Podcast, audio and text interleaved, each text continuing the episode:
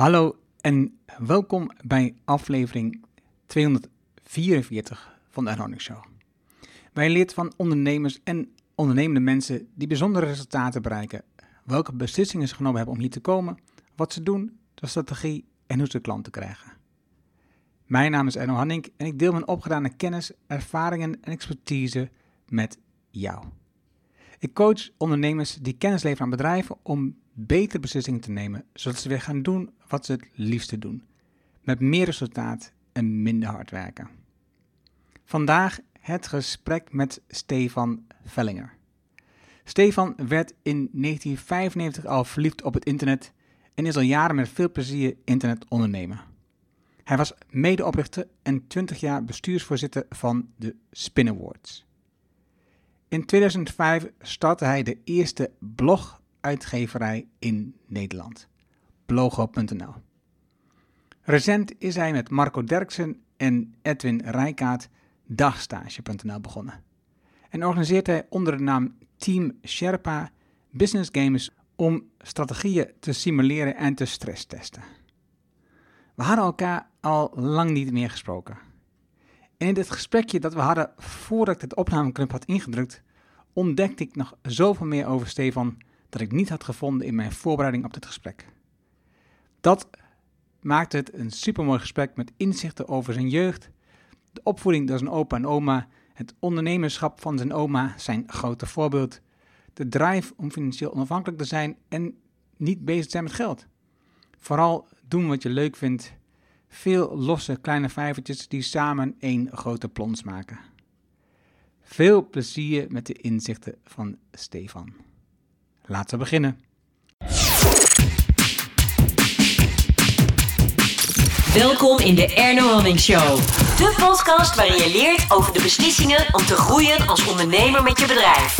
Luister naar de persoonlijke verhalen van succesvolle ondernemers en ondernemende mensen. Dan nu jouw business coach Erno Hamming. Stefan Vellinger. In een fantastisch dorp. Oh nee, het is natuurlijk een stad, Amersfoort. Maar het voelt als een dorp als je hier binnenkomt. Heb je dat ook niet?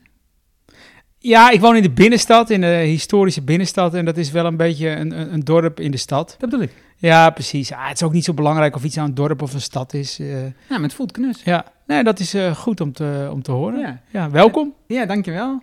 In, in, in het huis wat, wat eh, bijna ontruimd is, wordt.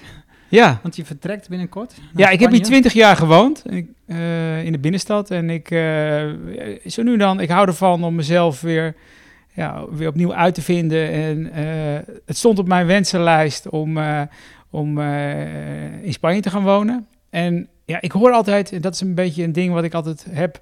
Heel veel mensen hebben altijd plannen. En bij mij zit er altijd een heel erg drang in om dan het, om iets niet te, te veel plannen aan de gang te gaan, maar het ook gewoon te doen. Dus eh, mijn vrouw en ik hebben besloten om een, eh, ja, een, eh, in Spanje te gaan wonen. En, of te gaan te leven. En we, blijven ook nog in Nederland wonen. Dus we gaan tussen die twee plekken in. eh, Van beide walletjes eten. ja, ja, precies. Ja. Van genieten van het Nederland, wat het mooi is. En van het weer en temperatuur en temperament in, in Spanje. precies. En ehm, ik, wat ik normaal altijd doe in de voorbereiding is, ik onderzoek veel dingen. Kijk LinkedIn naar, kijk wat heb je gedaan, je arbeidsverleden en allemaal dat soort dingetjes. Maar we zaten in het voorgesprek en je vertelde gelukkig nog veel meer, wat niet in je LinkedIn-profiel staat. Dus dat is een mooie aanvulling. En ehm, je vertelde bijvoorbeeld dat je ehm, na je school ben je gestart bij de NOS. Nou, niet gestopt, begonnen. Gestart. Gestart, ja. ja. gestart bij de NOS. Ja. Ja, mijn, eh, door alle omstandigheden, ik heb een hele gelukkige jeugd gehad. Ik ben opgevoed door mijn opa en oma. En eh, niet door mijn eh, vader en moeder, maar door mijn opa en oma. En door, door die omstandigheden ben ik al vrij jong het huis uitgegaan. En ik wilde ook financieel daarin helemaal onafhankelijk zijn. En toen ben ik gaan zoeken naar een baan. En ik werd courier bij de NOS, NOS Radio. En ik was toen zo'n beetje 18. En het leuke was, eh, ja, in Hilversum, daar ben ik geboren. Ehm, ik kwam, op- maar ik heb daar een hele tijd niet ge- gewoond. En ik ben toen teruggegaan toen ik 18 was. En eh, ja, wat ik eigenlijk deed is, er werden opnames gemaakt voor radio. En soms werden die programma's waren live. En dan moesten ze eh, bewaard worden en terug naar het archief. Of ze waren van tevoren gemonteerd en ze moesten uitgezonden worden. Dus ja, wat ik deed is in het, bij het radioarchief, bandenbeheer heette dat, met een aantal collega's reden we rond in busjes door Hilversum. En brachten we bandmateriaal van de ene studio naar de andere studio en naar de opslag.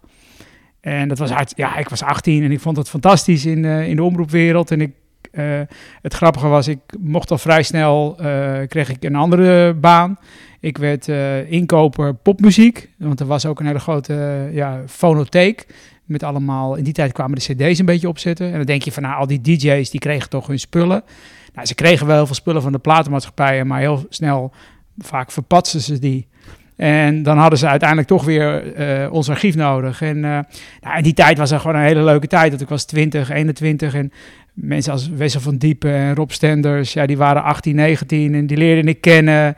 En ik ging met ze mee naar uh, drive-in shows. En ja, dat is natuurlijk heel erg leuk als jonge gast dat je met al die radiomakers. En ik vind radio ook een heel leuk medium, want ik kwam daar ook op een plek, ja, radio heeft ook heel veel met internet. Het zijn allebei media waar je met minimale middelen. Nou, we zitten hier nu een podcast op te nemen.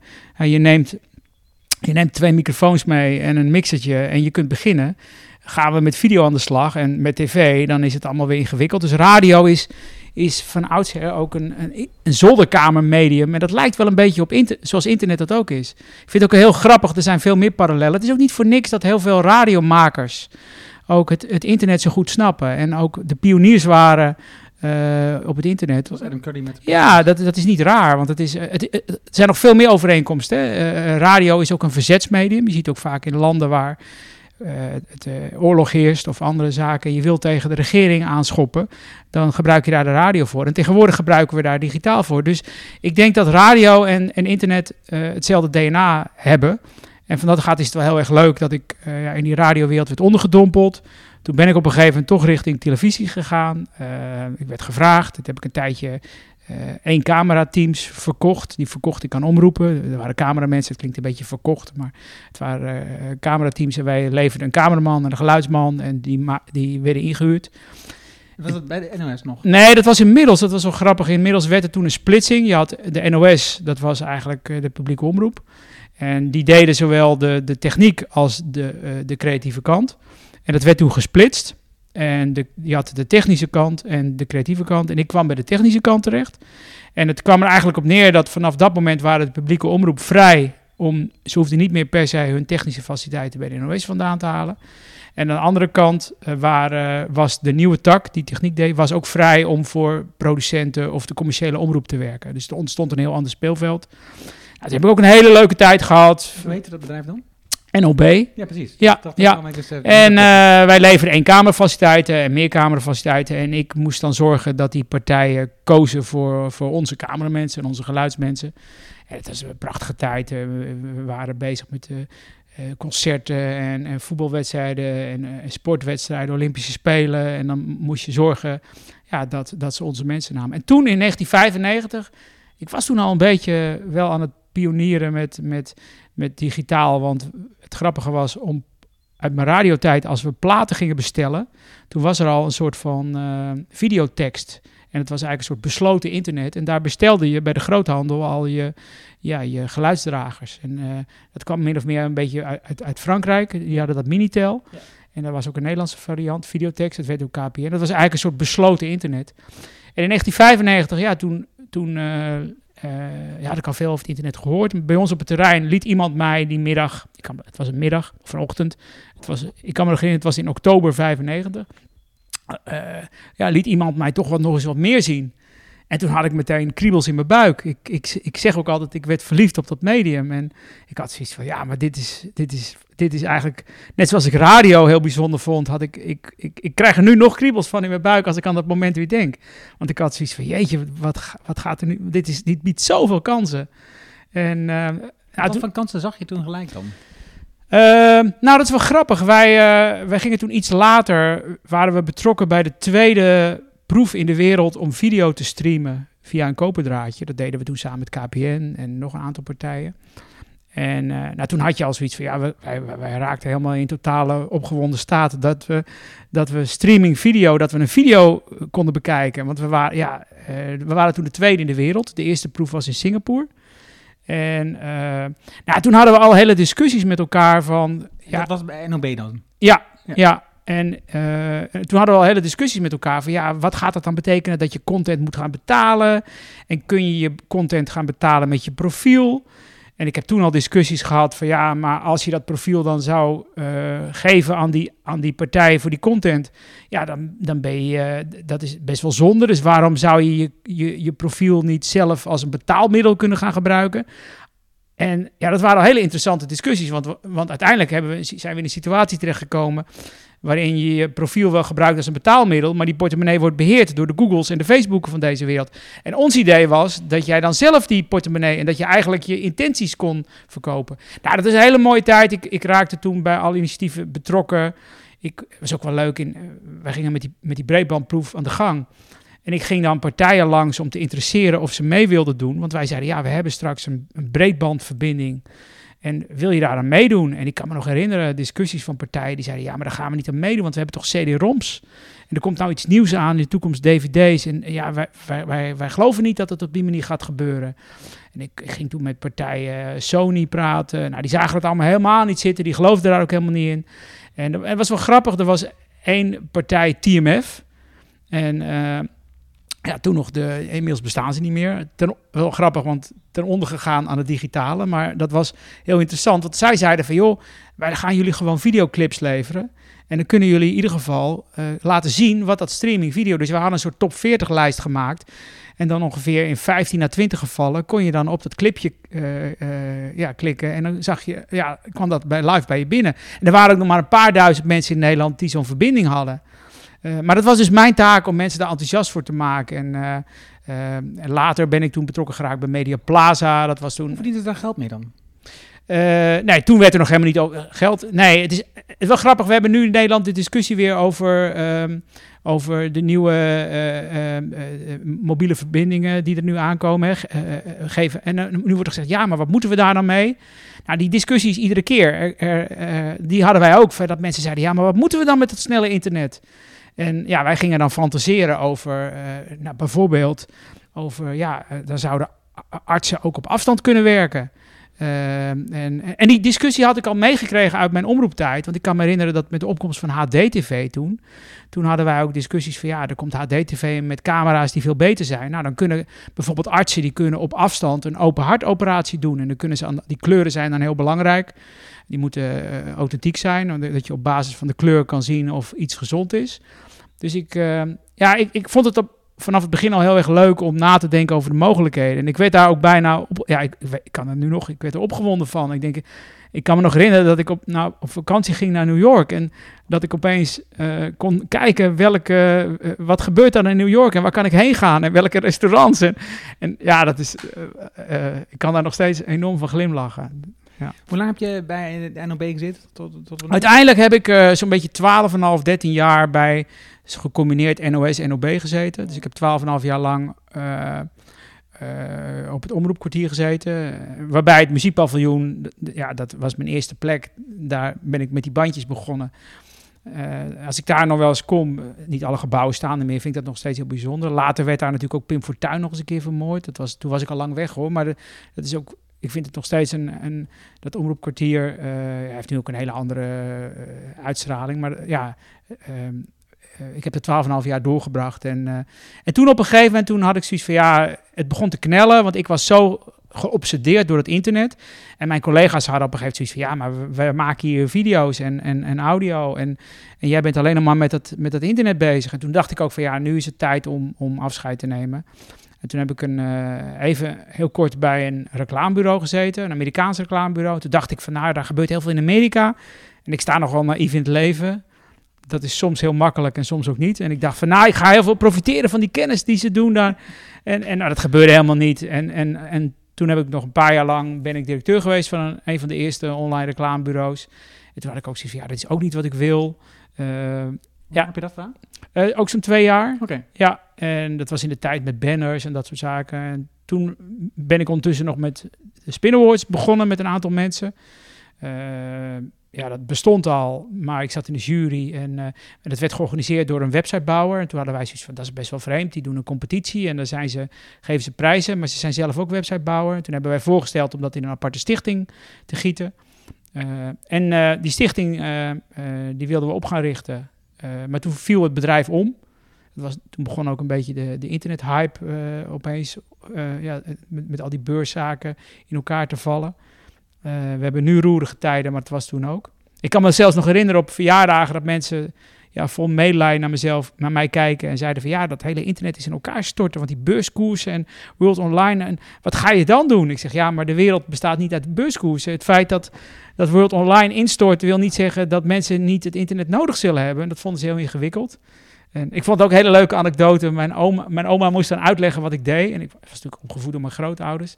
En mijn oma die zei altijd, ja, mijn kleinzoon werkt bij het internet. Dat vond ik altijd zo verschrikkelijk grappig.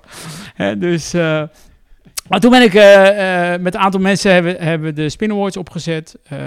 want ja, die partij ging failliet en wij hebben toen de naam gekocht. En wij hebben daar... en, is dat nu zo'n naam kopen op dat moment als een bedrijf failliet is? Nee, nee, dat, was, we hebben de, dat, dat, dat waren niet gigantische bedragen. Maar we hebben er wel toen twintig jaar lang heel veel tijd in gestopt. En Ehm, waarom we dat deden is omdat we dachten, dat, dachten op dat moment ook dat het goed was dat het internet ja, gewoon mooie, inspirerende voorbeelden te zien kreeg.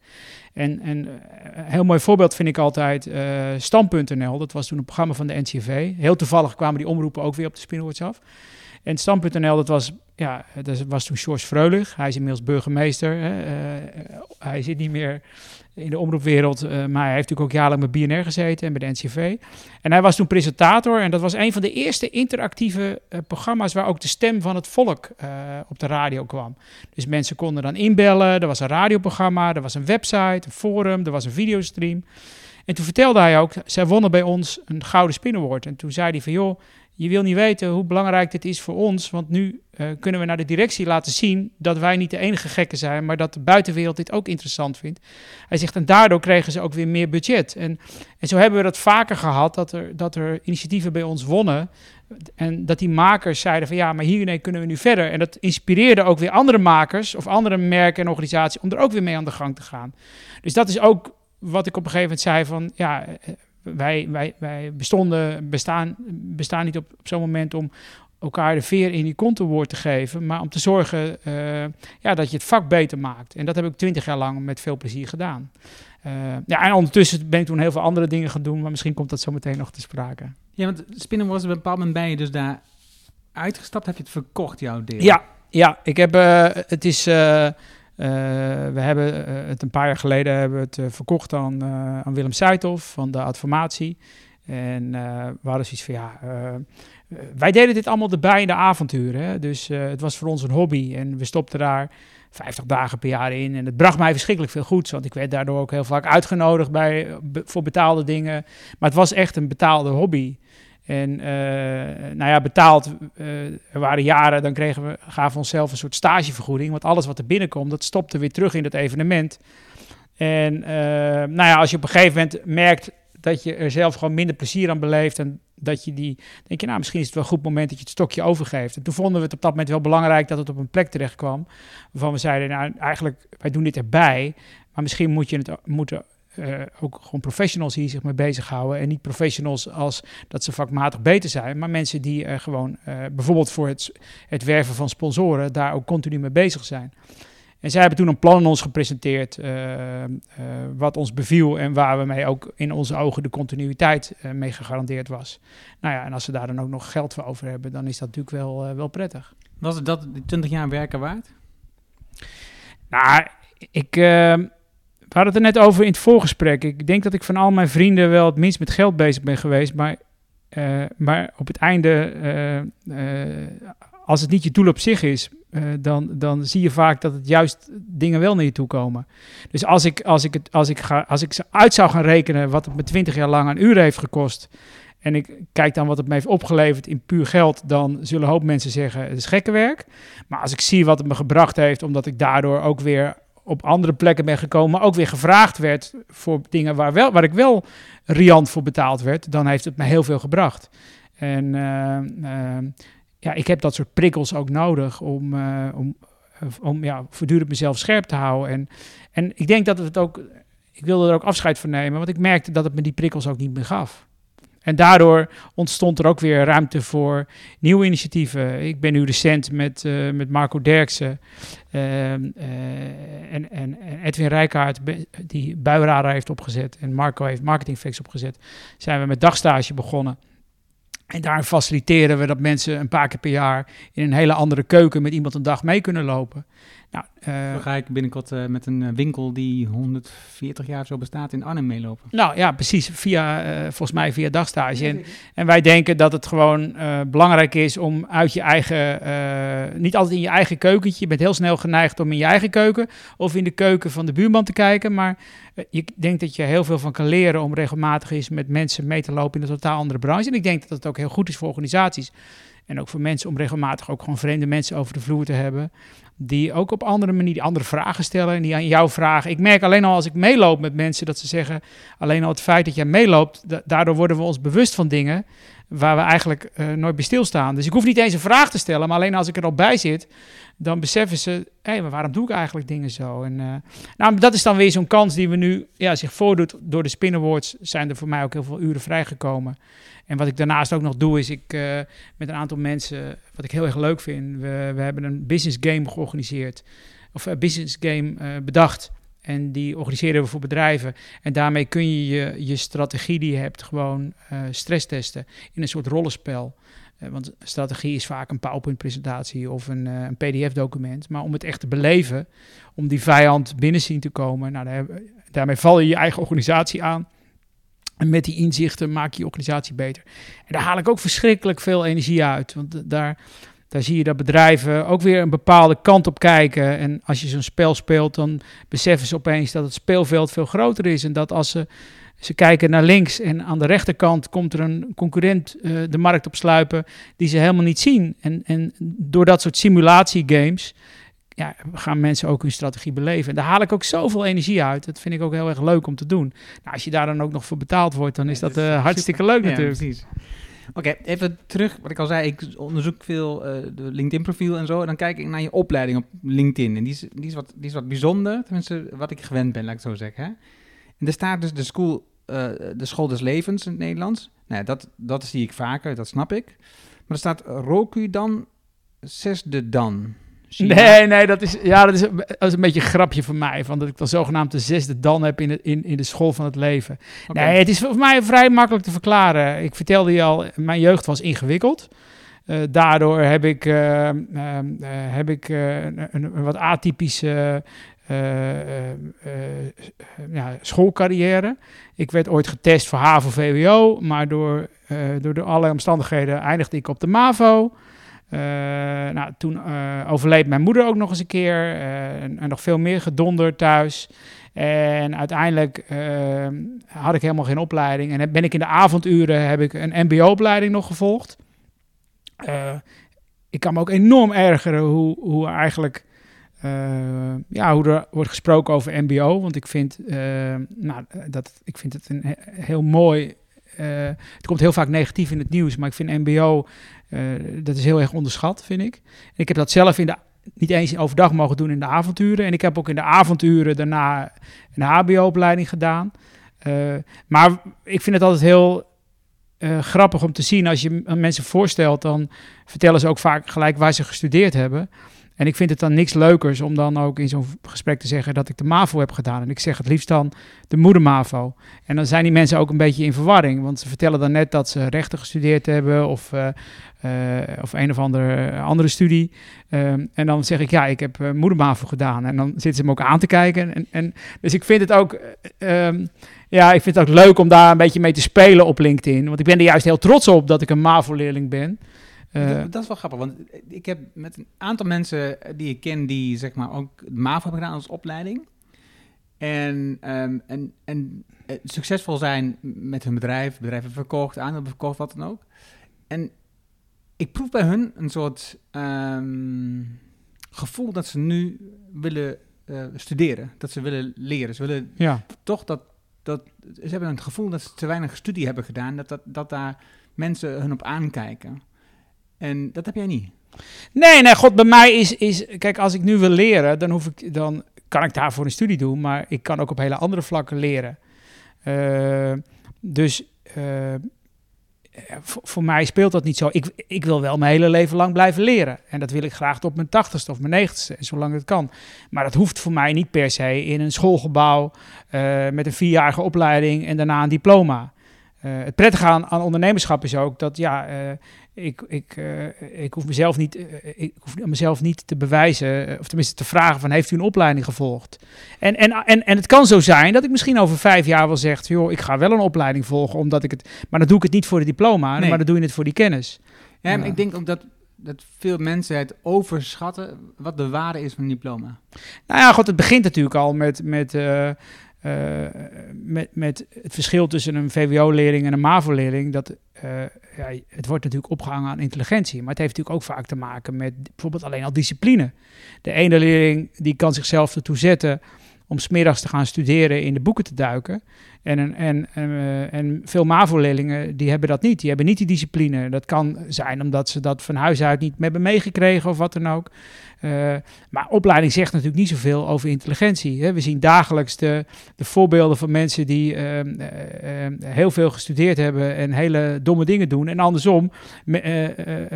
dus ja, het zegt niet zoveel. En uh, het, geeft je natuurlijk wel heel veel handvatten in het leven. Uh, maar maar uh, daarom heb ik er ook een beetje spottend de school van het, de school des levens. Want ja, als ik heel eerlijk ben, dan heb ik natuurlijk. dan, dan is het wel handig om een aantal vaardigheden te hebben die je van school meekrijgt. Maar wat ik geleerd heb, heb ik allemaal geleerd van toen ik op school, toen ik de school vaarwel heb gezegd. En ik wil niet, ik wil niet zeggen dat school niet iets wat je niet nodig hebt, maar uh, uh, waar ik bijvoorbeeld wel, wat ik me verbaas, moet je maar eens op letten, uh, dat, dat rondom de examentijd staat heel Facebook vol met allemaal ouders die verschrikkelijk trots zijn dat hun kinderen geslaagd zijn voor het VWO. Ja. En je ziet relatief weinig ouders die heel enorm trots zijn dat hun kinderen MBO-diploma hebben of MAVO. En, en het is bij, in heel veel uh, ja, groepen natuurlijk ook not done dat jouw kind een MBO-opleiding doet of een MAVO. Dus dan gaan we ze net zo lang naar uh, huiswerkcursus sturen tot iemand een VWO-diploma behaalt. Nou, we hebben zelfs een koning in een koningshuis die ook helemaal niet zo was van het studeren. En volgens mij schaapte zich er ook niet van.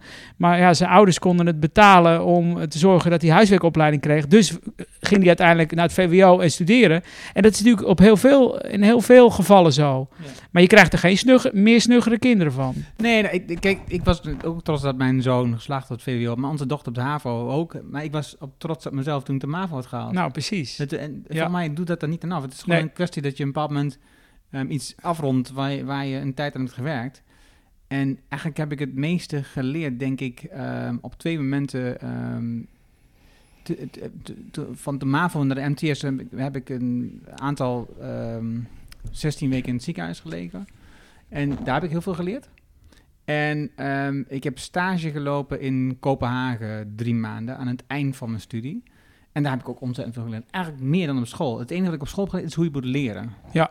Voor de rest ja. heb ik niet zoveel geleerd. Nou ja, wat ik, wat ik wel merk in de praktijk. Ik heb uh, voor de Spinnerboards ook een aantal jaren Young Talent programma's ontwikkeld. Waarin we het liefst ook met buitenbeentjes uh, uh, ja, puzzels oplosten van bedrijven. En ik zag wel dat de mensen die uh, bijvoorbeeld naar universiteit waren, ja, die beschikten wel over bepaalde kennis. Maar vaak merkte ik ook dat ze nog wel problemen mee hadden als, als, uh, om te improviseren. Of om, om dingen. ze hadden wel veel kennis, maar ze durfden niet een klant op te bellen. omdat ze dat helemaal niet meegekregen hadden. Ehm, dus ik ben ook wel een man van de, van de praktijk. Ik, ik hou wel van een beetje straatvechten en gewoon uh, ja, dat, dat is ook mijn overlevingsstrategie altijd geweest. Ja. En ik kan, uh, uh, het is allebei nodig, hè, maar we hebben, we hebben het ook allebei nodig in de wereld. Ja. Mensen die gestudeerd hebben, maar ook mensen die met hun handen kunnen werken. Ja, nee, dus ik zag laatst wel trouwens een heel interessant boek. Ik ben van plan, dat gaat ook over, dus een, een, een, een professor die heeft onderzocht dat het gaat niet, niet eens over stratenmakers, maar ook over artsen, dat het heel belangrijk is, ook voor mensen die gestudeerd hebben, dat ze ook iets met hun handen doen. En heel veel artsen doen dat ook, hè, met opereren, dan doe je dat met je handen. Maar blijkt als je uh, op een of andere manier die, die, die, dat samenspel tussen je handen en je hersenen, dat zorgt uiteindelijk voor hele speciale dingen. Hm. En, uh, nou, en nu leggen we heel erg de nadruk of op de handen, hè, dan noemen we het MBO, of op de hersenen, studeren. Maar juist die combinatie van die twee dingen, eh, daar is heel veel onderzoek naar gedaan. Dat blijkt een hele goede te zijn. Wat is, hoe heet het boek? Ja, dat zou ik nog eens even. Zullen we dus beloven dat we. notes ik, wel ik, heb het, eh, ik heb het eh, staan, maar ik heb het niet eh, paraat Nee, in, de, in de mail staan. Ik, Ja, ik ben natuurlijk nu ook. eh ja ik wil dat boek natuurlijk ook ja, lezen. ja. Hey, en ehm, in 2005. ehm, ik herinner me het nog als de dag van gisteren eigenlijk. Ik zet mijn auto neer op een of andere straat in Utrecht. En ik wandel naar zo'n restaurant. In zo'n parkje aan, zo'n, aan het water. En daar is eigenlijk een van de eerste bloggers eh, meetups. En daar was jij toch ook? Ja, ja, ik kan me, dat was in die tijd, eh, het is inmiddels al 15 jaar geleden, de tijd gaat snel. Ehm, ja, in die tijd, eh, ik werd geïnspireerd door een aantal mensen die, eh, die zelf begonnen met publiceren. En ik begon toen zelf in die tijd op Dutch Cowboys wat artikelen te delen. En toen op een gegeven moment bedacht ik van ja, we hadden toen op dat moment iets als startpagina. En dat werd dan vaak beheerd door, ja, door liefhebbers. En die wisten dan heel veel van rozen of van eh, vakanties in Turkije of wat dan ook. En die beheerden zo'n pagina. En toen bedacht ik van ja, misschien is het wel interessant om te zoeken naar, naar liefhebbers die iets weten over een bepaald onderwerp en die dan zo'n blog willen beheren. En als ik nou heel veel van die blogs op een of andere manier aan elkaar knoop, dan heb ik die vele druppeltjes, die vormen dan samen een plas. En zo ontstond het idee voor Blogo. Eh, ik dacht van nou, als ik nou met liefhebbers op zoek ga naar specifieke onderwerpen, dan ga ik ook op zoek naar wat andere onderwerpen. Dus ik zocht bijvoorbeeld, eh, ik denk ja, het heeft niet zoveel zin om de zoveelste autoblog te starten. Toen dacht ik van nou, laat ik nou een, een vrouwelijke, eh, door de ogen van vrouwen, hoe die naar auto's kijken, laat ik haar over schrijven. En, en zo zocht ik eigenlijk allemaal onderwerpen met een twist. En zo ontstond Blogo. Dat is wel heel grappig. Ik zat bij Radio 1 toen om het te introduceren. Wij waren eigenlijk in de eerste, we waren de eerste weblog-uitgeverij in die vorm. Ja, ja, ja. En eh, we werden die week hadden we, ja, toen een programma van Francisco van Jolen. En ik zat daarbij, ik was de gast en ik, ik, wij waren de eerste. En in de uitzending werd er nog iemand gehaald. En dat was blog.nl, de eigenaar. En die was net een paar dagen later geweest. En die deed precies hetzelfde. Dat vind ik dan heel grappig. Ik vond het wel achteraf heel leuk dat wij de eerste waren. Want dat is dan toch leuk. Dat is ook een beetje de sport. Ja. Eh, maar ik vond het ook wel weer grappig hoe je dus een idee hebt. En wat parallel, parallel eigenlijk in eh, zoveel kilometer verderop heeft iemand het vrijwel hetzelfde idee. En dat ontstaat ook tegelijkertijd. Dus dat zie je natuurlijk vaker bij ondernemers. Hè? Dat er, eh, eh, dat, we hebben niet eens contact met elkaar gehad. Maar dat we schijnbaar hadden, hadden hij en ik dezelfde kliks in ons hoofd. En, eh, ja, wij was ook bij dat evenement. ja, en, Ja. en tot op heden vandaag zelfs. Nou, bestaat blogo.nl ook nog. En, en blog.nl niet meer.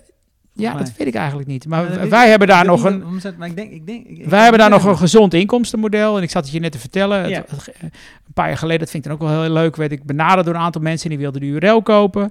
En er was nog iemand in die week die wilde de URL kopen. Ik denk, hé, hey, wat is er aan de hand? En ik, eh, best wel forse bedragen werden er betaald voor die URL. Ik denk, nou, dat is wel interessant. Zou ik het verkopen? Eh, en toen heb ik een van die ondernemers heb gevraagd, maar wat wil je er nou mee? En die had er allerlei plannen mee. En die zei van ja, het scoort heel goed in bepaalde dashboards, want het bestaat al 15 jaar. Er wordt heel veel, je hebt al heel veel geproduceerd aan artikelen. En nu zijn we eigenlijk, is Blogo weer aan het tweede leven bezig en halen we daar heel veel plezier weer uit en, en, en, en leuke inkomsten. Eh, dat is ook wel een manier, soms moet je geduld hebben in het leven, soms moet je afscheid nemen van dingen. En soms denk je dat het vijvertje, want ik ben altijd van de vele vijvertjes, dat, daar, eh, dat, daar, dat er nooit meer een vis zal bijten. eh, of dat er steeds minder vissen zullen bijten. En opeens blijkt het weer een hele gezonde visvijver te zijn. Ik, ik vind het, we hadden het ik vond het super gaaf wat je ervan vertelde. Dat je gewoon nu met weinig werk gewoon weer hele fijne inkomsten uithaalt. Ehm, en, en het blog bestaat gewoon voort. Het is gewoon 15 jaar later en het bestaat gewoon nog steeds voort. Ja, ongelooflijk. Ja, dat is dan ook wel weer leuk. Maar dat merkt ook, we hebben, zitten ook in de tijd natuurlijk, dat, dat, daar had ik, moest ik laatst ook aan denken. We zijn natuurlijk, ik ben ook opgegroeid met de internettijd van, met investeerders en alles moet snel. En je moet snel ook een first mover advantage, van als je de eerste bent in de markt, dan moet je oppassen. En nu zie je ook weer de heigerigheid waarmee Amazon naar Nederland komt en dat iedereen ook bang is en dat soort zaken. En ik denk dat er wel degelijk ook markten zijn waarin het heel erg fijn is om snel te groeien en snel. Maar ik denk ook dat er een markt voor is om juist geduld te hebben en heel langzaam te groeien. Net zoals, eh, ja, je hebt fastfood. Eh, maar je hebt ook de hele beweging van slow food gehad. Van de tijd nemen om het te koken. De tijd nemen om het op te eten. En ik denk dat er ook een, een mogelijk... Het is niet of-of, maar dat er ook mogelijkheid is om te ondernemen in internet. Waarbij je juist wel het geduld hebt. En het niet allemaal in, in, in, in, in drie maanden hit and run. Waarbij je soms misschien wel een paar jaar neemt om het te laten groeien. En het heel organisch te laten groeien. En dan wordt het heel duurzaam. En het een sluit het ander niet uit. Maar ik ben meer van het ja, van de lange termijn, eh, van het Rijnlandse model, van uh, familiebedrijven, uh, lange termijn. En uh, dat doen we nu bijvoorbeeld met dagstage. Daar hebben we niet zoiets van, nou, dat moet heel snel. Nee, we hebben daar geduld. En, en soms gaat het heel hard en soms weer even langzaam. En ik merk dat daar weinig aandacht voor is. En ik heb daar ook veel discussies over. Ja, soms moet het allemaal heigerig snel. En als het niet lukt, nou, dan wordt er ook weer afscheid van genomen. En ja, ja, dat wat, past niet bij mij. Als je kijkt, ken je het boek Build to Sell? Uh, nee, nee. Uh, very Low heet hij even uit mijn hoofd. Ik ben even zijn naam kwijt, maar het zal ik in de show notes een boek opnemen. En dat gaat over het feit dat je, dus dat je je bedrijf zo inricht dat, je het, dat het verkoopbaar is. Ja, ja. En nu um, zie je het nieuwste boek van um, Simon Sinek, of Sinek moet ik zeggen, Simon Sinek. Dat eigenlijk is dat een, een beetje een eigenaardig uitgangspunt. Het is, je, je bouwt een bedrijf met het uitgangspunt dat je het, dat je het gaat verkopen. Dus je bent niet volledig geïnvesteerd in je bedrijf. Hè? Want je weet gewoon, je gaat daar gewoon toch binnen. Dus, ja. je, dus je gaat iemand trouwen waarvan je zegt, nou, dus, maar over een paar jaar ga ik toch scheiden. Ja. Dus laat ik het maar zo inrichten dat we, dat we, dat we als, het, als we gaan scheiden, dat, dan, dat dat gewoon goed georganiseerd is. Maar dan, dan, dan ga je niet met volle liefde zo'n bedrijf opzetten, denk ik dan. Nee, ik vind het ook wel. Kijk, ik, ik ben, wat ik zei, ik, het komt iedere keer als een rode draad. Ik ben opgevoed door mijn grootouders. Die hadden, mijn oma was mijn grote voorbeeld. Die had in de jaren 30 en dan moet je dus 90 jaar geleden al haar eigen bedrijf, een, een winkel van Bensdorp in Heemstede. Waarbij vrouwen niet geacht werden om dat te hebben. Nee, dat is heel bijzonder natuurlijk. Uh, al, al hoorde ik wat wel meer in het MKB, was het vrij normaal ook dat vrouwen wel uh, een winkel hadden. En net zoals boerinnen uh, een, een boerenbedrijf medelijden. Uh, dus die waren eigenlijk dat soort, het MKB en, en boerenfamilies waren vaak juist wel heel geëmancipeerd al. Had ik laatst ook een discussie met iemand over. Uh, maar mijn opa en oma, mijn, mijn oma startte toen een pannenkoekenhuis op de Laag onder andere, later ook in Heemstede. En dat was het eerste pannenkoekenhuis. Ja, ik moet opeens bedenken, het eerste pannenkoekenhuis zoals ik dat ook vaak heb. Zij waren de eerste die in, in, in, in het dorpje Laag waar nu uh, prinses Beatrix woont. Dat, zij waren de eerste die daar een pannenkoekenhuis begonnen. En later werd het een pannenkoekendorp, maar mijn opa en oma waren daar als eerste. En, en ja, dat was een familiebedrijf. En ik heb geleerd, daarom noemde ik het net al het Rijnlandse model. Je hebt het Anglo-Saxische model en het Rijnlandse model. Het Anglo-Saxische model is de korte termijn aandeelhouderswaarde. Dat gaat over verkopen. Het Rijnlandse model gaat veel meer over de lange termijn. En dat betekent ook, dat zit veel meer in de hoek van de familiebedrijven. Dat is ook iets van je geeft iets door aan de volgende generatie. En, uh, en dat, dat past ook meer bij mij. Ik, ik, ik kan me ook enorm ergeren aan ondernemers, maar het zijn ook vaak managers die zichzelf dan rijkelijk belonen. Eh, kijk, ik ben opgegroeid, mijn opa en oma, als het een keer minder ging, dan kreeg eerst het personeel geld. En als het dan nog wat over was, dan kregen zij het. En dat is in mijn ogen het Rijnlandse model. Als ondernemer, je gaat voor de continuïteit. Je bent goed voor je personeel, want het is je kapitaal. Het begint bij je personeel. Uh, en en uh, ja, ik ben wel blij dat er wel weer meer aandacht is voor het Rijnlandse model. Want het Rijnlandse model is langzamer groeien, geen gekke dingen doen, uh, wel kansen grijpen, uh, maar wel gaan voor de lange termijn. En, en ook iets willen doorgeven aan een volgende generatie.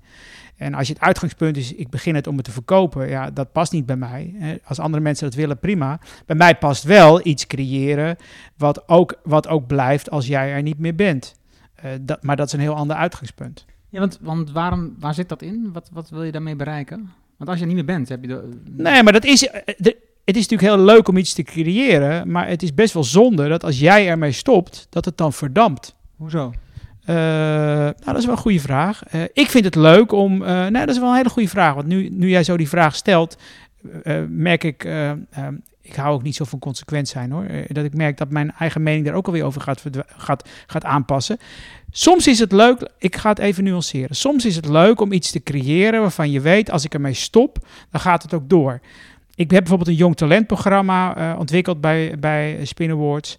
En dat is nu is verdampt. En dat vind ik wel jammer, want wij gaven daar jonge mensen een kans. En het, uh, het is ons niet gelukt om in de, in de uh, erfenis van de Spin Awards dat, die continuïteit te geven. En dan zeg jij waarom is dat belangrijk? Nou, soms omdat je iets iets, met iets moois bezig ben. En het mooie is als de andere mensen daar ook weer van kunnen profiteren. Maar tegelijkertijd, nu jij die vraag zo stelt, besef ik dat ik het soms ook niet erg vind als dingen weer verdampen. Dus als, als, als morgen mijn weblog-uitgeverij zou verdampen, zou ik het heel spijtig vinden. Maar ik zou er ook niet wakker van liggen. Maar er zijn wel dingen in het leven die doet. Bijvoorbeeld zo'n jong talentprogramma. Uh, waarbij het misschien juist wel fijn is dat het blijft bestaan, omdat je daar uh, mensen een, een, nieuwe kans geeft in hun leven, in hun carrière, in hun loopbaan. En dan is het, vind ik het wel fijn dat je iets creëert wat blijft bestaan. Dan? Wat zeg je? Dan kun je toch gewoon oppakken? Nee, nee, maar zo, uh, het, het, het kan allebei. Dus ik, nee, wat, ik, wat ik merk is, ik ben daar dan misschien ietsje um, fanatiek op. veel mensen denken, ik moet iets bouwen wat ook blijft als ik er niet meer ben. Weet ik moet iets, een nalatenschap. Dan denk ik, eh, jongen, je bent er niet meer straks en dat maakt het nou uit. Nee, maar dat is, dat, daar heb je ook een goed punt. Alleen al die vraag stellen, of ik het er nou mee eens ben, die zorgt er weer voor dat ik zelf ook weer al tegen anders dingen ga kijken. En, uh, uh, dus het kan allebei. we zitten ook, als ik het nu zo besef, we zitten ook heel erg in een maatschappij waarin alles of-of is. Je zit of in het ene kamp of in het andere kamp. Het is zwart of wit. En als ik het nu zo met jou discussieer, zeg ik, nou ja, er zijn sommige dingen waarvan ik het wel prettig vind als ik er niet meer ben, dat het doorgaat. Maar er zijn ook heel veel dingen waarvan ik denk van, nou, dat is helemaal niet erg als het weer verdampt en er komt weer wat anders voor. En, en het kan allebei. En als ik nakijk, dan zijn er sommige dingen die ik gedaan heb, die zijn verdampt. Uh, en sommige dingen die, zijn, uh, die bestaan nog wel voort. En ik, ik denk op het moment dus dat zoiets zoals dat uh, Young Talent programma van Spin Awards, als dat je werkelijk aan, na aan het had is, um, dan pak je dat een bepaald erop. Absoluut waar. Hè? Ja. Geen idee wanneer, maar dan pak je het gewoon een paar ja. Nee, maar dit is ook uh, de, de vloeibaarheid in je, in je hoofd uh, uh, die we nu hebben, de discussie. Dat, dat vind ik ook leuk. Om, om geprikkeld te worden door mensen en om ook... Ik, ik ben nu te plekken, heb ik mijn mening ook aangepast, omdat jij dat zegt. nou, kijk, het mooie is, um, in jouw omschrijving staat jezelf telkens opnieuw uitvinden, hè? Ja. En, en dus, ik, ja, dat, nou, daar kan ik me enorm in vinden. Dat je telkens weer um, jezelf wat je zegt, fluide, fluide. Dus je past je aan naar de situatie die er is. Dus we hadden het in het vorige over dat je, eh, je hebt op niet veel dingen invloed. Hè? Dus, dus eh, of je morgen ziek wordt, heb je niet veel invloed op. Daar kun je niet zoveel aan doen. Nee. Je kan je handen vandaag wassen, dat helpt wel. Maar er zijn veel dingen waar je geen enkele invloed hebt. Waar je invloed hebt is hoe je over dingen denkt. Ja. Wat, hoe reageer je op dingen. En dus als er een omstandigheid verandert waar je geen invloed hebt, dan kun je dus denken, oh, dit is waardeloos en, en dit is verschrikkelijk en, en, en, en drama en, je, en dat zit in je hoofd. Of je kunt denken, oké, dit is nu die nieuwe situatie. Wat ga ik nu doen om daar nu van te profiteren? Of om daar nu van te leven? Om nu mijn leven niet in te richten? En dat zie ik een beetje in jouw um, cv, je website en al die ja, dingen. Ja, nou het is wel... wel het is al een paar keer te sprake gekomen, maar je jeugd drukt natuurlijk altijd de stempel. Hè. Ik had die ingewikkelde jeugd. Ik had een, een opa en oma die verschrikkelijk lief voor me waren. Uh, ik ben later ook gaan, gaan, gaan, uh, gaan nakijken van hoe komt het nou dat mijn jeugd heel ingewikkeld was. En het had ook helemaal verkeerd kunnen aflopen. Ik had aan de verkeerde kant terecht kunnen komen. En, uh, en dat zit natuurlijk aan de ene kant in de liefde die je van je opa en oma krijgt. Maar, maar toch zijn er een bepaalde momenten geweest dat, ik, dat het helemaal verkeerd had kunnen lopen. En ik ben me daarin gaan verdiepen. En ik heb een tijdje geleden een, een, een hele interessante publicatie gelezen van een Franse kinderpsycholoog. En die is onderzoek gaan doen. Waarom is het zo dat het ene kind in zijn jeugd het moeilijk heeft en, uh, en daar het helemaal misgaat. En het andere kind in zijn jeugd of haar jeugd uh, juist uh, enorm goed terechtkomt. En uh, nou, ik kwam er dus achter, en toen ik er later over ging nadenken, vond ik het heel logisch. Maar de belangrijkste is dat uh, als kinderen een grote fantasie hebben en die ook gebruiken, dan zijn ze in staat om zelfs onder, zelfs als, je zag bijvoorbeeld bij kindsoldaten, kinderen die uh, extreme situaties hadden meegemaakt. Met allerlei schokkende gebeurtenissen. als zij in staat zijn om te fantaseren over dingen, dan waren zij in staat om zichzelf uit die situatie te halen en een nieuwe situatie voor zichzelf te creëren. En dat vind ik interessant, want, want, want dat heb ik zelf ook altijd gedaan. Ik, heb, ik, ik had een enorme fantasie, ik heb een enorme fantasie. En die fantasie heeft er voor mij altijd gezorgd dat ik als ik in een ingewikkelde situatie terecht kwam, dat ik als het ware door mijn fantasie uh, daar kon ontsnappen en in mijn eigen wereld terecht kon komen. En ik denk dat we, dat heeft mij enorm geholpen, want we zitten tegenwoordig in een hele ingewikkelde wereld. Hè. We hebben, uh, nu we het interview opnemen, gaat het over corona, maar we hebben het natuurlijk überhaupt over een wereld voor heel veel bedrijven en mensen die ingewikkeld is. Bestaat mijn baan nog over zoveel jaar?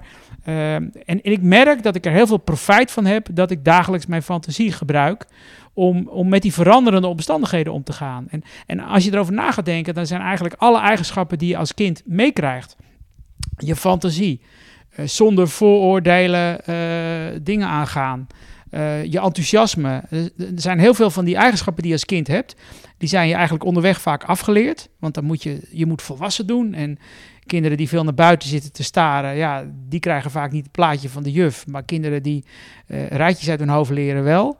En, en, juist die eigenschappen die je als kind eigenlijk hebt, die wordt, wordt, ons, wordt ons afgeleerd.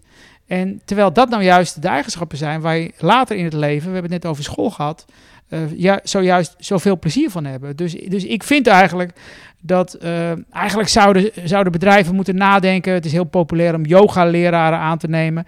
Maar misschien moet je juist een tekenleraar uh, in een bedrijf hebben die jou weer leert om met je fantasie te spelen. Want die fantasie heb je nodig om met die ingewikkelde, veranderende wereld om te gaan. En om jezelf uit die, uit die soms ingewikkelde wereld te verplaatsen. En ja, ik vind dat dan fascinerend. Dan, en ik merk dat dat bij mij dus ook een enorme rol gespeeld heeft. Mijn fantasie, die uh, ik wist soms niet wat ik kon aantroffen thuis. En dat is als kind heel ingewikkeld.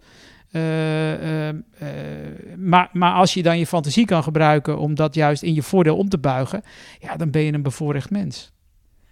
Ik, ik, ik snap wat je bedoelt. En, en, en ik, mij schoot het boek te binnen van Viktor Frankl, of het boekje, het is niet zo'n heel goed boek. Um, Man's Meaning is het, geloof ik, hè? Ken je het boek? Ja, ja zie dat daar ook in terug? Dat, dat was bij mij eigenlijk. Ik dacht van ja, dat, dat, dat, hij kon zich uit die situatie halen. Ja, ik denk dat dat ook iets is wat natuurlijk heel erg speelt momenteel. Uh, de, de, wereld is voor veel mensen ingewikkeld met alle media en, en, en, en alle onzekerheden. En, en ben je in staat om, om met die onzekerheden om te gaan? Uh, ik, ik zei wel eens in mijn, in mijn spreekbeurt over internet, dan zei ik eens tegen mensen van nou, vind je deze wereld leuk? Ik verzeker je, het wordt alleen maar leuker. En vind je deze wereld eng? Ik verzeker je, het wordt alleen maar enger. En, en ja, de enige zekerheid die we hebben is dat, dat er onzekerheid blijft. En, en dat zal de komende jaren alleen maar toenemen. Dus zij die goed om kunnen gaan met die onzekerheid, ja, dat, die, die zullen uiteindelijk uh, uh, ja, winnaars klinkt zo, zo, ja, zo dingen. Maar, maar die zullen overleven. Hè? Die hebben in ieder geval een makkelijker leven. Precies. En ik probeer mijzelf ook met mijn fantasie uh, ja, het leven aangenamer te maken. En de P van plezier speelt dan wel een hele belangrijke rol. Ik vind het wel. Ik geloof heel erg in dat het begint bij die P van plezier. Van als je uh, iets doet waar je plezier in hebt, dan kun je er goed in worden. En als je er goed in kan worden, kun je er geld mee verdienen. Uh, en ik vind bijvoorbeeld de P van plezier ook veel te weinig terugkomen bij businessplannen van bedrijven. Het gaat alleen maar over de, de, de, de, de P van Poen. En, en, maar de P van plezier, uh, um, en dan heb ik het niet over uh, alleen maar hedonisme of zo, maar gewoon dat je ergens plezier in hebt. En dat kan soms, dat kan die voetballer zijn, maar dat kan ook die, die, die vuilnisman zijn die met heel veel plezier elke dag zijn rondje maakt. Hè. Um, uh, dus, maar zorgen dat je ergens plezier in hebt. Uh, ik, zie, ik hoor ook heel vaak mensen op verjaardagen, dan vraag ik wel eens van, joh, waar gaan nou je ogen van twinkelen? En ik schrik er wel eens van dat mensen van mijn leeftijd dat nog steeds niet weten, waar hun ogen van gaan twinkelen. En dan denk ik, wat ben ik een bevoorrecht mens, dat ik eigenlijk altijd donders goed wist in mijn leven waar mijn ogen van gaan twinkelen. En waardoor ik kan zorgen dat andere mensen hun ogen weer gaan twinkelen. Zag je dat dan, zag je het pad al voor je? Nee, nee, het pad, het pad zag ik niet voor me. Maar ik heb wel altijd heel goed uh, uh, nagedacht over waar ik heen wil. En, en, wat hielp je dan om de keuze te maken om dan die weg in te gaan? Dat is toch mijn improvisatievermogen. En, maar dan moet je wel van tevoren al nagedacht hebben van wat, wat, welke kant wil ik een beetje op. Ja, en hoe werkt dat denkproces dan bij jou? Nou, dat is nu bijvoorbeeld, kijk, ik ben nu 54 en dat betekent uh, dat ik in mijn, in mijn, voor mijn gevoel aan de tweede helft van mijn leven begonnen ben. En, uh, en dan moet je, dat, dat, is, dat is niet dramatisch, want een voetbalwedstrijd heeft ook een eerste helft, een tweede helft. En het voordeel bij voetbal is vaak dat er ook nog, ook nog een verlenging komt. Dus ik ben aan de tweede helft van mijn leven begonnen. Maar ik ben wel voortdurend aan het nadenken over hoe ga ik dat dan bijvoorbeeld inrichten, ook financieel. En, en eh, het lijkt wel dit een praatje voor pensioen of zo. Nou, eh, alsjeblieft niet.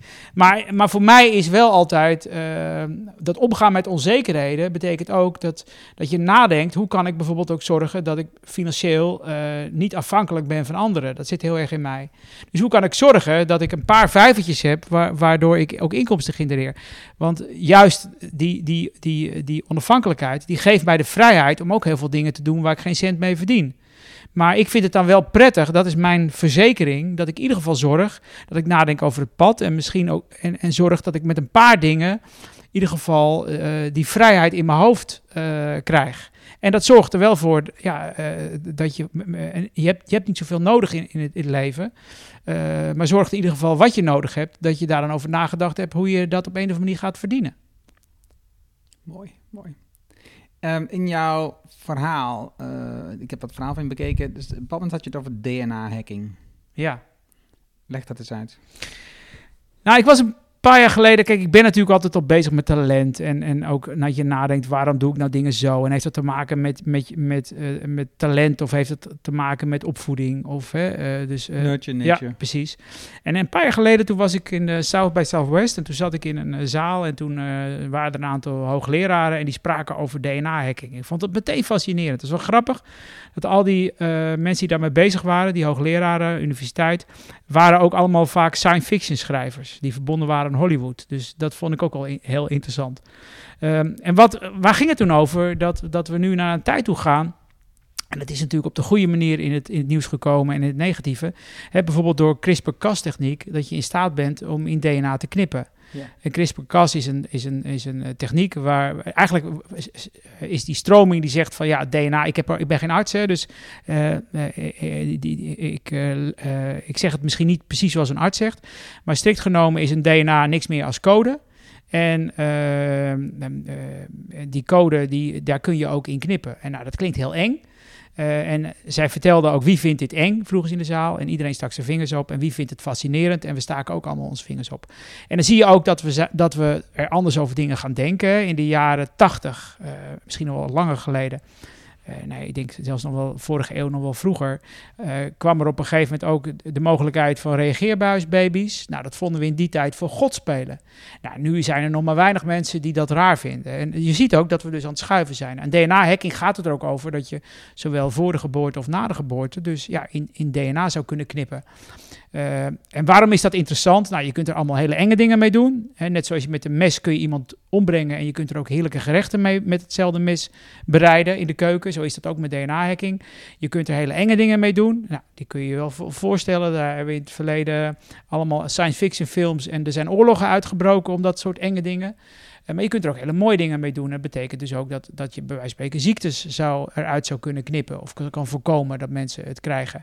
Eh, het is ook wel weer interessant dat een aantal van die, die wetenschappers die zeiden van ja, je kan zelfs eh, ook gaan nadenken over, misschien komen er dan op een gegeven moment wel mensen met, met een stads-DNA of juist een plattelands-DNA, weet je, je kan aanpassen. Nou, en ik vind dat een interessante gedachte om daarover na te denken. Eh, vind ik het eng? Ja. Vind ik het fascinerend? Ja.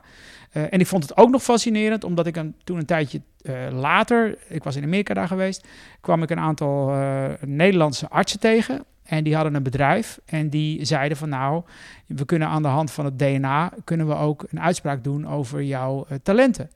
En eh, nou, dat vond ik ook weer een interessante stroming. Eh, zij hadden een test gedaan met een aantal salesmensen. En ze kwamen erachter dat die salesmensen qua beroepsgroep een overeenkomst hadden in hun DNA-materiaal. En dat had ermee te maken dat ze hadden allemaal uh, dat ze bepaalde DNA-structuur uh, hadden, waardoor ze uh, op het moment dat ze de sales kick, sales deal sloten, kwam er ja, kwam, ja, kwam vrij. Dat was allemaal bij, bij die salesmensen. Toen zijn ze gaan onderzoeken en dat bleek nog veel meer beroepsgroepen te zijn. en dat vond ik ook weer interessant, want zij noemden dat zelf je fabrieksinstellingen. En je kan dus zo'n test laten doen. En daarmee worden op een paar punten uh, brainkompas. Okay. In Rotterdam, er zijn een aantal artsen aan verbonden.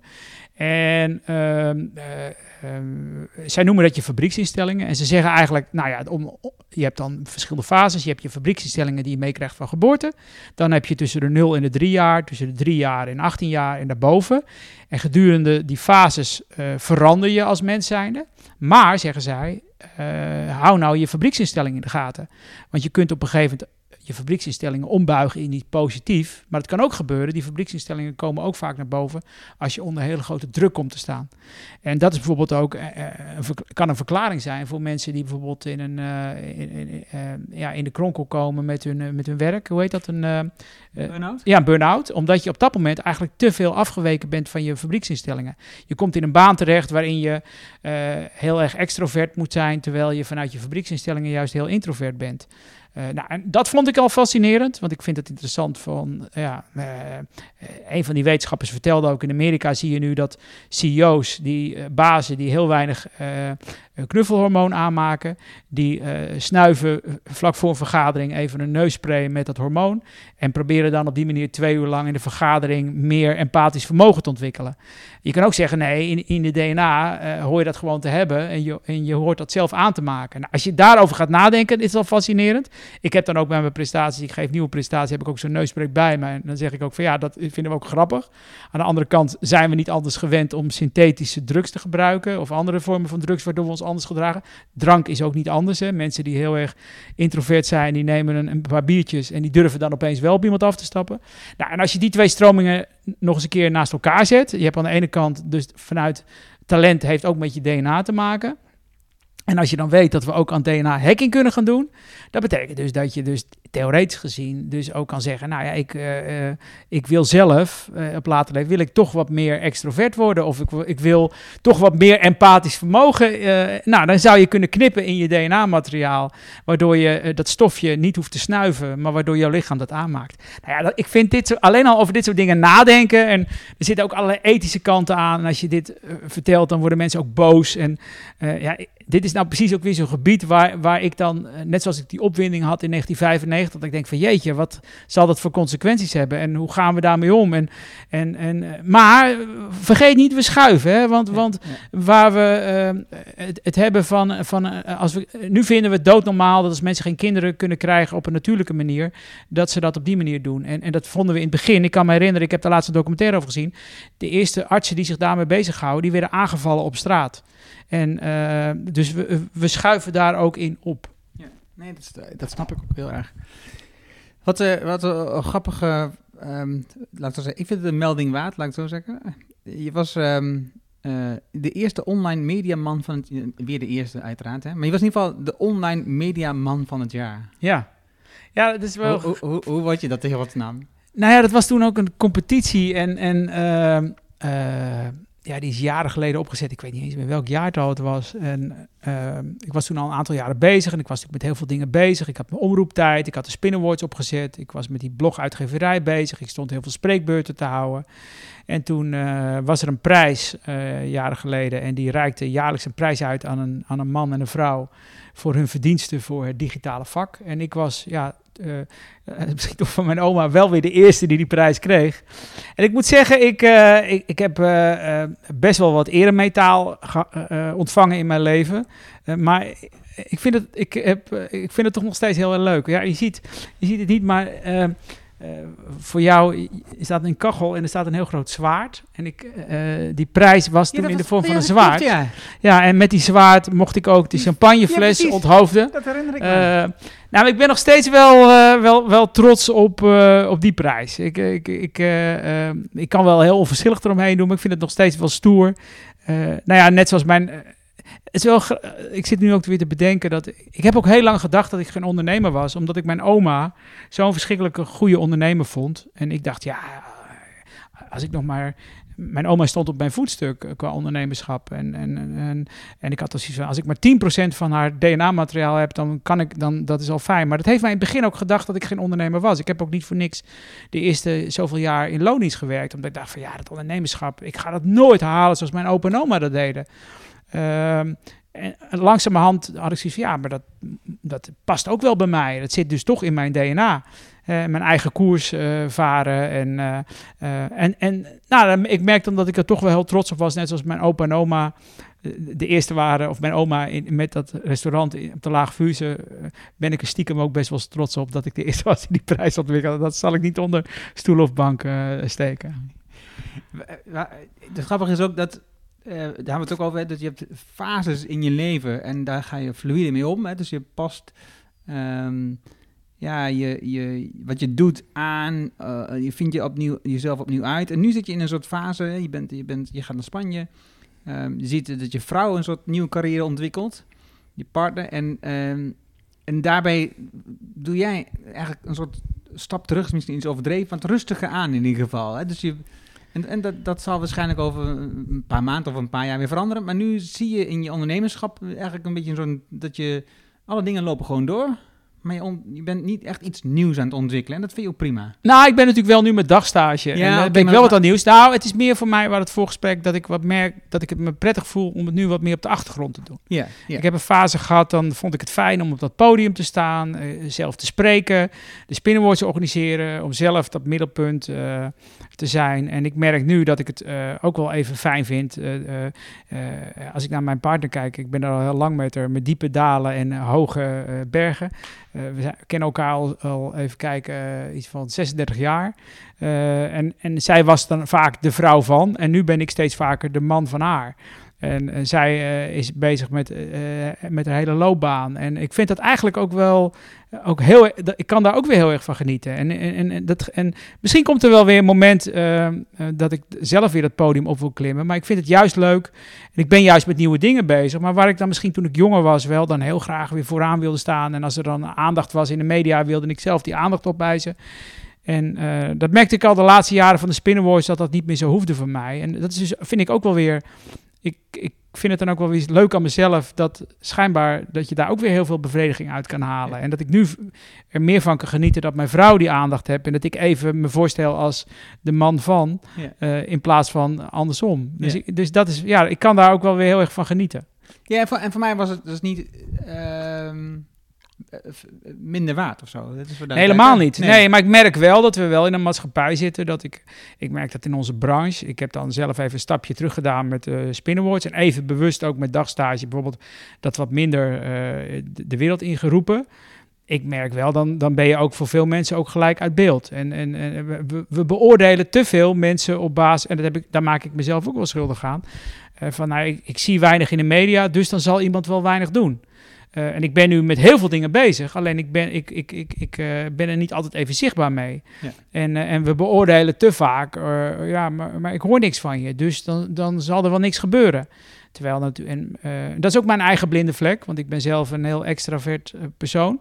En, en, nu ben ik zelf zo nu en dan uh, daar wat minder in. En, en ik, ik, merk dat ik daar zelf ook veel te veel mee bezig ben geweest. Ja. Om mensen te beoordelen op basis van, nou, als er veel lawaai wordt gemaakt op LinkedIn of op Twitter, dan zal, dan zal iemand het ook wel goed gaan. Ja. Terwijl dat natuurlijk helemaal niet geldt voor ieder persoon. Dus nee. zo blijf je zelf ook leren. Nee, eens. Ik, ik snap dat ook helemaal. Het is vooral dat laatste heel herkenbaar. Dat je, als je heel zichtbaar bent op LinkedIn, iedereen verwacht dat het heel goed gaat met je.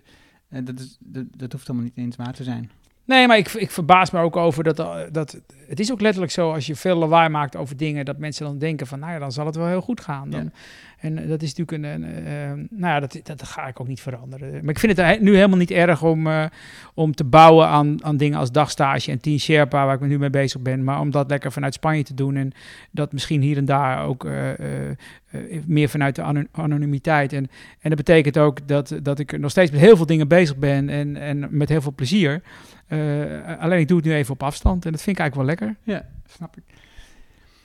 Uh, wat is. Uh, ben ik iets vergeten aan je te vragen? Is er iets wat je nog moet delen, wat je denkt, nou, dat moet ik echt, dat moet ik echt zeggen nog? Ben ik vergeten te vragen? Nou, dat. dat, dat ik weet niet wanneer, je, wanneer mensen dit luisteren. En uh, uh, we zitten nu, nu we dit aan het opnemen zijn, zitten we midden in een storm die, die, uh, die natuurlijk met corona te maken heeft. En ehm, je merkt ook dat door alle. Ehm, nou, ik las toevallig dat 500 jaar geleden de pest in Italië was. Toen mochten mensen elkaar niet zoenen, maar toen hadden ze niet iets als media. En wij leven natuurlijk in de tijd van media. Als je, dat als je de hele dag dat op tot je neemt zowel de traditionele media als de sociale media, dan word je daar bijna verdrietig van. En dus ja, misschien moet, wil nog een keer zeggen, misschien moeten we ook nog eens wat, gewoon wat liever zijn tegen elkaar. En wat aardiger. En wat meer ons geduld hebben. En wat vaker bij dat zebrapad even iemand voor laten gaan. Of, uh, want in deze tijden, dan, we hebben elkaar nodig. En, en ja, laten we laten we van dat gaat de wereld wat plezieriger en liever maken. Dus dat wil ik toch nog even kwijt. Ja, dat is mooi. Dan heb ik een mooie aansluitende vraag. Um, stel je hebt een billboard. Ja. Die wordt uh, een banner op een website. die wordt door miljoenen mensen gezien. Mensen gezien. En, en, jij zou daar een boodschap over plaatsen die niet commercieel is. Wat zou daar dan op staan?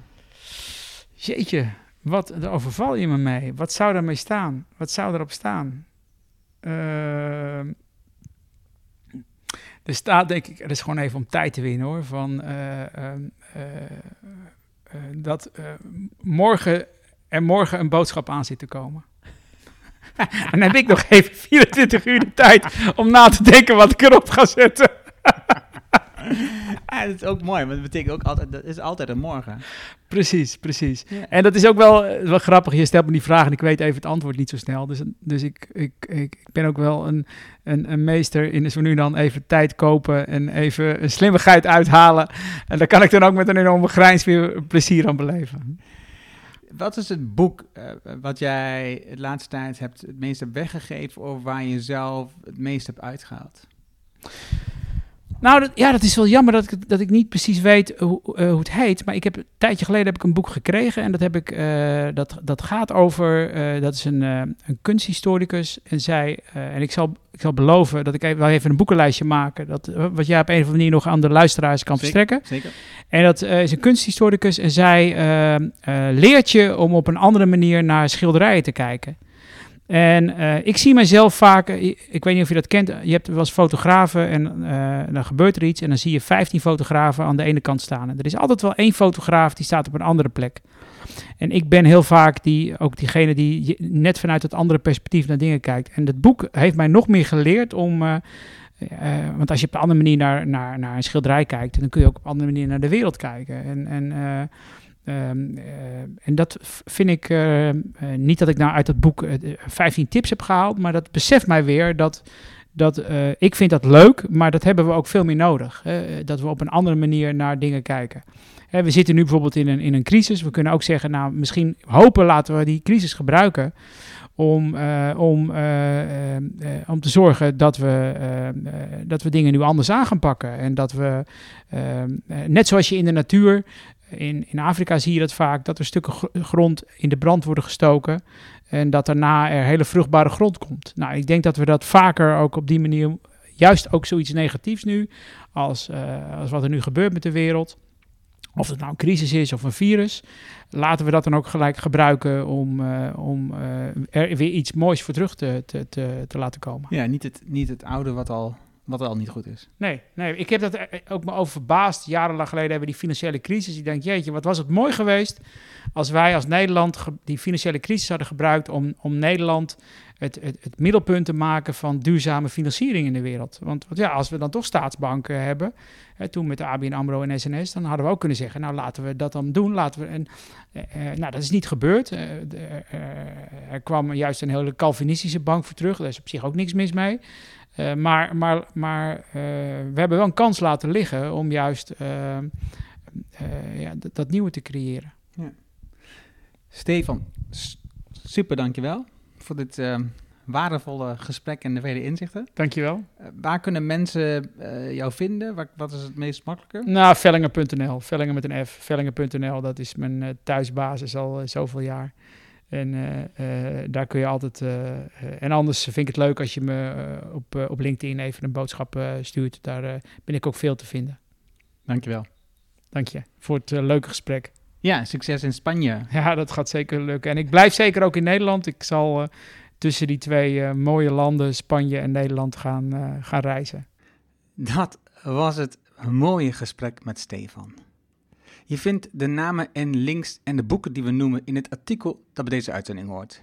Ga daarvoor naar ernohanning.nl slash show 244.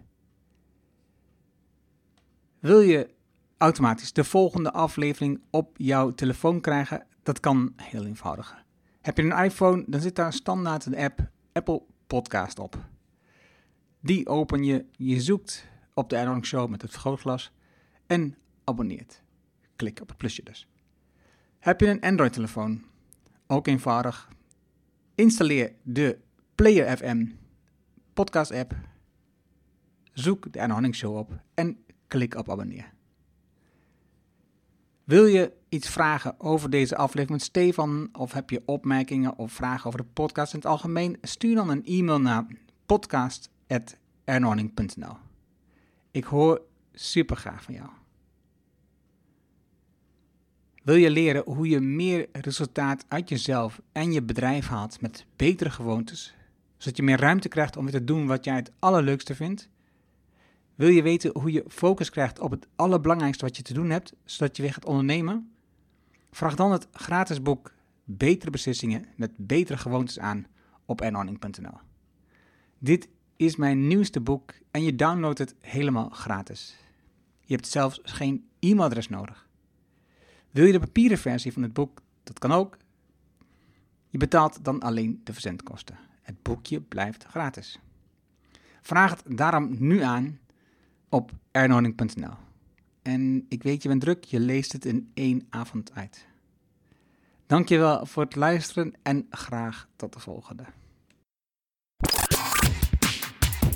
Dankjewel voor het luisteren naar de Erno Hanning Show op ernohanning.nl.